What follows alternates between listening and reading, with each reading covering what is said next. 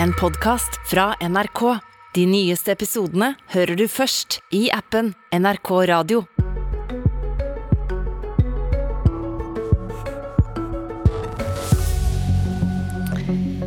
Det er viktig melding til ledere i statlig eide selskap fra næringsministeren i dag. Det er slutt på tidene med store lønnstillegg. Bonusen skal halveres eller forsvinne helt. Han mener alvor denne gangen, mener samfunnsredaktør som før har vært næringsminister. Ledertalentene vil flykte fra de statlige selskapene, tror styreleder. Ja, God morgen og velkommen til denne sendingen hvor gjestene har det til felles at de enten er eller har vært næringsminister her i landet. Det de også har til felles, er at de har stått i stormen når kritikk har rast mot store lønnstillegg for ledere i statlig eide selskaper, som f.eks. Statoil, Telenor, Equinor. Unnskyld, ikke Statoil og Equinor, men jeg tenkte på Equinor, Telenor og DNB. Ifølge DN så har lønnsveksten deres vært nesten dobbelt så stor som for befolkningen ellers. Men nå kan det bli en brå stopp. Jan Christian Vestre, dagens næringsminister, du legger fram en eierskapsmelding i dag, og da vil du halvere eller ta bort bonusen i statlige selskap som Equinor og Telenor. Hvorfor det? Ja, Dette er en oppfølging av det vi gikk til valg på, som er å bremse forskjellene i Norge. Vi ser at de som har mest, rykker ifra. Og Da er det selvfølgelig mange verktøy i verktøykassa, men også i eierskapspolitikken skal vi ha tydelige forventninger. Og Derfor så sier vi at uh, selskapene med staten som eier skal selvfølgelig ha de beste folka, men det er ikke ensbetydende med at du må ha skyhøy lønnsvekst hvert eneste år. Og Da innfører vi nå et uh, nytt prinsipp som innebærer at dersom en uh, leder skal ha høyere lønnsvekst enn gjennomsnittet i organisasjonen, og da ser vi også hen til kronemessig tillegg, så skal det begrunnes særskilt på generalforsamlingen, der staten kan stemme imot hvis vi mener at den begrunnelsen ikke er god nok. Og I tillegg så halverer vi maksimal bonus fra 50% til 25% i de kommersielle selskapene. og Da er jo målet vårt at det skal bidra til at vi demper lønnsveksten, og at det etter hvert blir noe mindre forskjeller i disse organisasjonene mellom de som jobber der og de som leder selskapene. Men det betyr at ledere som i dag har lønninger og samla inntekter på 5-10-15 millioner til og med, de kan måtte nøye seg med kanskje 30 000 da, i lønnstillegg fra et år til et annet. Ja, dersom det ikke er en særskilt begrunnelse for at vedkommende leder skal ha høyere tillegg enn de andre i organisasjonen, så kan det et år være tilfellet, ja. Reell, reell lønnsnedgang blir jo det i lengden da? Det spørs jo litt hvordan du måler, om dette skjer hvert år eller ikke. Jeg vil understreke at det er fremdeles styret og den enkelte leder som skal forhandle lønn, men begrunnelsen må legges fram for generalforsamling, og jeg tror jo at dette vil tvinge fram en annen debatt om insentiver i selskapene. Det er ikke bare lønn som avgjør om en er motivert for å gjøre en god jobb. Jeg ser nesten på det som et tillitsverv å få lede disse selskapene. Det er noen av Norges aller, aller mest spennende selskaper med de kuleste oppgavene og de flinkeste folka. Og når du da har 8, 9, 10, 11, 12, 13, 14, 15 millioner i lønn i året, og gjerne enda mer, så bør det ikke være 300 000 i ekstra lønnstillegg fra et år til et annet som gjør deg ekstra motivert. Da tror jeg motivasjonen ligger et annet sted. Vi har spurt en av de styrelederne i et statlig selskap hva hun tenker om det. Styreleder Berit Svendsen i Vy-gruppen er bekymra for lederflukt. Vi kan høre her. Det jeg syns kan være bekymringsfullt, som er viktig å tenke på, er jo at statlige selskaper er veldig avhengig av å ha de beste lederne og de beste talentene. Og hvis man får mye bedre lønn og mye bedre kan du si, utviklingsmuligheter på total kompensasjon utenfor statlig sektor, så kan det gå utover rekrutteringen, at man ikke får tak i de beste lederne, og at de beste talentene kanskje begynner i statlig sektor, men så får de ikke den utviklingen de får i privat sektor og så vil de på en måte velge seg bort veldig fort. Og det vil jo være synd, fordi det er så mange spennende omstillingsoppgaver som skal foregå i de statlige selskapene. Ja, det ville være synd, sier Berit Svendsen. Hva sier du om det, Vestre? Vi skal ha de beste folka i de selskapene vi eier. Og selskapene skal selvfølgelig ha konkurransedyktige betingelser, men det handler altså om veldig mye mer enn lønn. Eh, og så registrerer jeg jo at dette har blitt en debatt, og det er veldig fint. Og jeg vil gjerne oppfordre også selskaper og andre til å være med i den diskusjonen. Vi forvalter dette eierskapet på vegne av det norske folk. Jeg syns det er fint vi snakker om det. Og så har jeg også fått med Men unnskyld meg, er dette da en, en uh, sak der du sier at kjempefint med en debatt, dette kan vi justere underveis, og så ser vi at litt store ord i starten egentlig fører til ikke så mye, egentlig. Nei, det er kanskje det en er vant til, men eh, jeg har tenkt til å være næringsminister som eh, utretter noe, og jeg mener alvor, og det tror jeg har bevist eh, allerede gjennom disse månedene. Og jeg registrerer også at det er andre tidligere og nåværende styremedlemmer som også synes at dette er et bra forslag. Tidligere styreleder i Avinor, f.eks., som tilhører samme sektor som Vy, mener jo at det har vært altfor mye fokus på lønn som motivasjon, og kanskje at lønnsnivået på noen av de statlige selskapene ligger for høyt. og Det er jo det vi vil forsøke forsøke å, å bremse med dette forslaget. Du har skrevet en masteroppgave på juss om statlig eierskap i grenseland.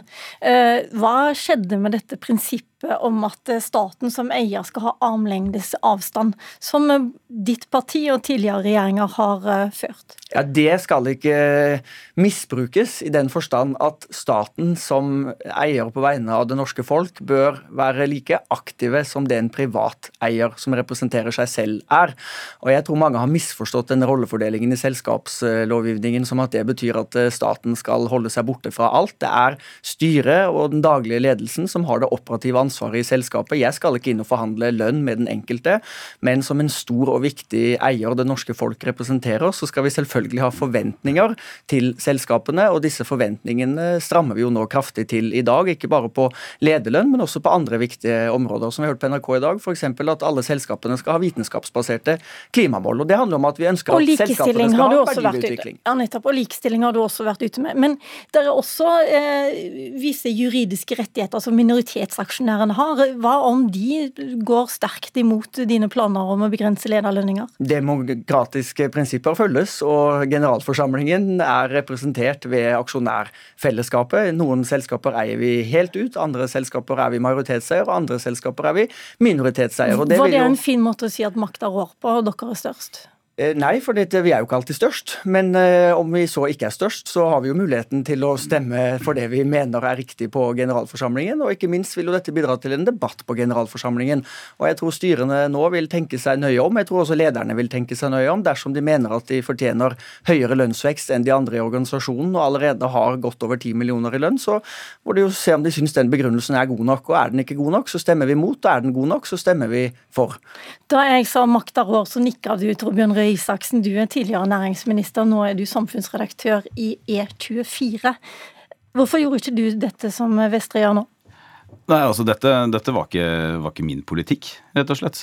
Skal jeg ærlig innrømme. Den gang jeg var næringsminister. Nå er jobben min å forsøke å å forstå det som skjer sett utenfra, uh, som kommentator og, og, redaktør. Men da selvfølgelig med min politiske bakgrunn gjør jo at jeg leser dette på en spesiell måte. Og jeg, jeg tror delvis jeg på, på Vestre når han sier at han mener alvor. Og så er det jo to fallgruber han må unngå. da. Altså Den ene fallgruben er jo at Eh, er jo at eh, hvis alle tolker dette bokstavelig, eh, så vil det jo, som, som, du påpekte, programleder, bety en type reallønnsnedgang. Relativt raskt, faktisk. Og da må man jo passe på at at ikke han havner i krig med masse styrer. Det er, det er, det ingen som ønsker når man er næringsminister.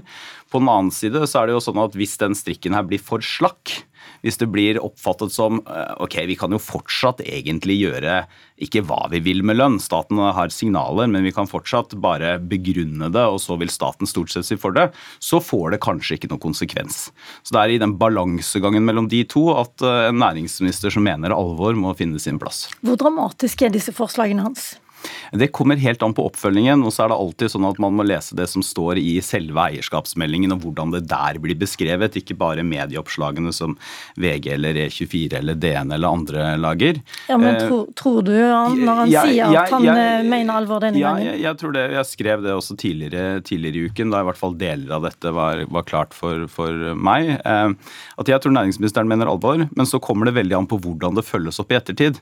Men jeg tror at nettopp fordi næringsministeren hadde jo en runde med et selskap som het Argentum, hvor ja, nesten hele styret ble byttet ut i vår, så er det et slags signal om at uh, her er det en næringsminister som er villig til å sette makt bak kravene. Men det er klart at den andre siden av det er også at hvis styrene og styrelederne oppfatter dette som en, eh, en inntrenging i deres område, så vil du plutselig få bråk med styrene i de statlige selskapene fremover, og det er nok ikke noe en næringsminister ønsker. Er det en invitasjon til bråk? Nei, Ikke nødvendigvis, men det kommer helt an på hvordan eh, staten og Næringsdepartementet følger opp dette fremover, vil jeg si da. Jeg tror vi skal eh, konstatere at en kommentator er også litt mer forsiktig i kommentarene enn en statsråd, kanskje?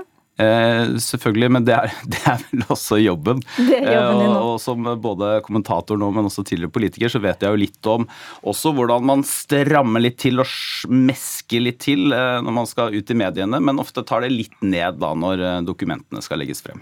Vi får eh, lese nøye når eierskapsmeldingen legges frem klokken eh, tolv i dag. Takk for at dere kom, Torbjørn Røe Isaksen. Tusen takk også til fungerende næringsminister Jan Christian Vestre. Hør Politisk kvarter som podkast når du vil i appen NRK Radio. Og så har vi enda en eks-næringsminister med i denne sendingen. Trond Giske, også under deg var det stor vekst i lederlønningene i staten. Veldig stor vekst, men du fikk ikke gjort noe med det. Er du litt misunnelig på Jan Christian Vestre? Ville du gjort det samme? Ja, eh, han var min politiske rådgiver, og jeg syns han er på veldig riktig retning, så det er bra tiltak. Hvorfor gjorde ikke du det? Ja, Vi gjorde ikke nok. Vi skulle bytte av flere styremedlemmer og sørge for at uh, våre lederlønnsprinsipper ble fulgt. Oh, jeg er sikker på at Harald Norvik med flere gjerne vil kommentere akkurat det, men det skal ikke vi snakke om nå. I dag starter Tranmelfestivalen i Trondheim. Der er du arrangør, som leder for Nidaros sosialdemokratiske forening. Og på en dag da Nettavisen eh, måler Ap-oppslutning på 18,5% så samler du altså 250 sosialdemokrater, under mottoet er 'interessant og trivelig', hva er prosjektet ditt?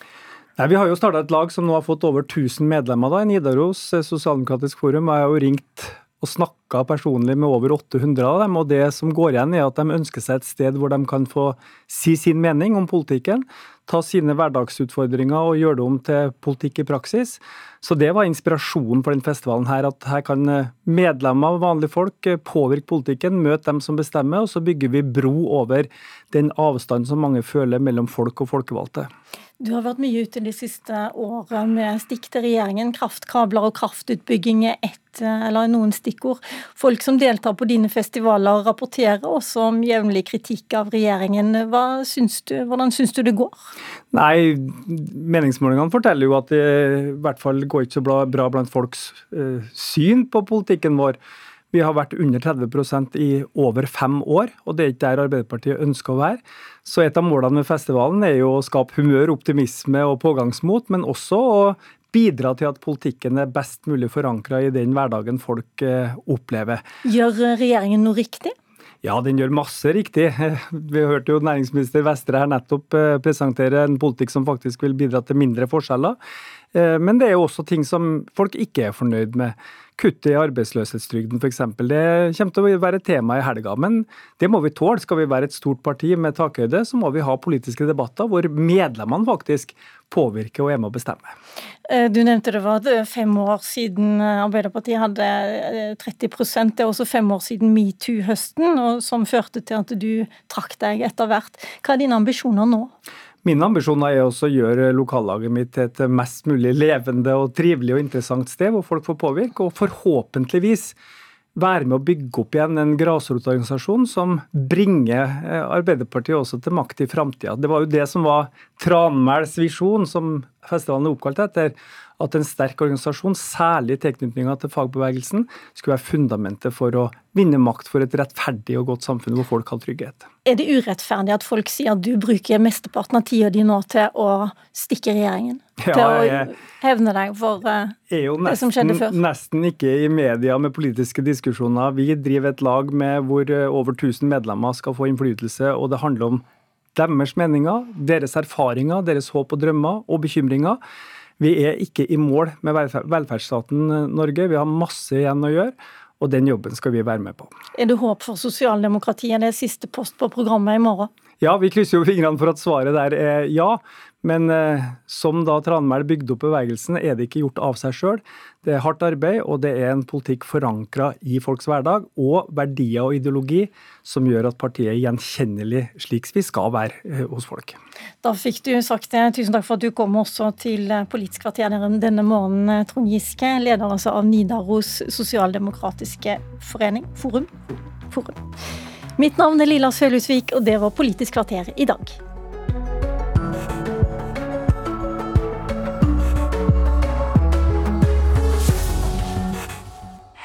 En podkast fra NRK.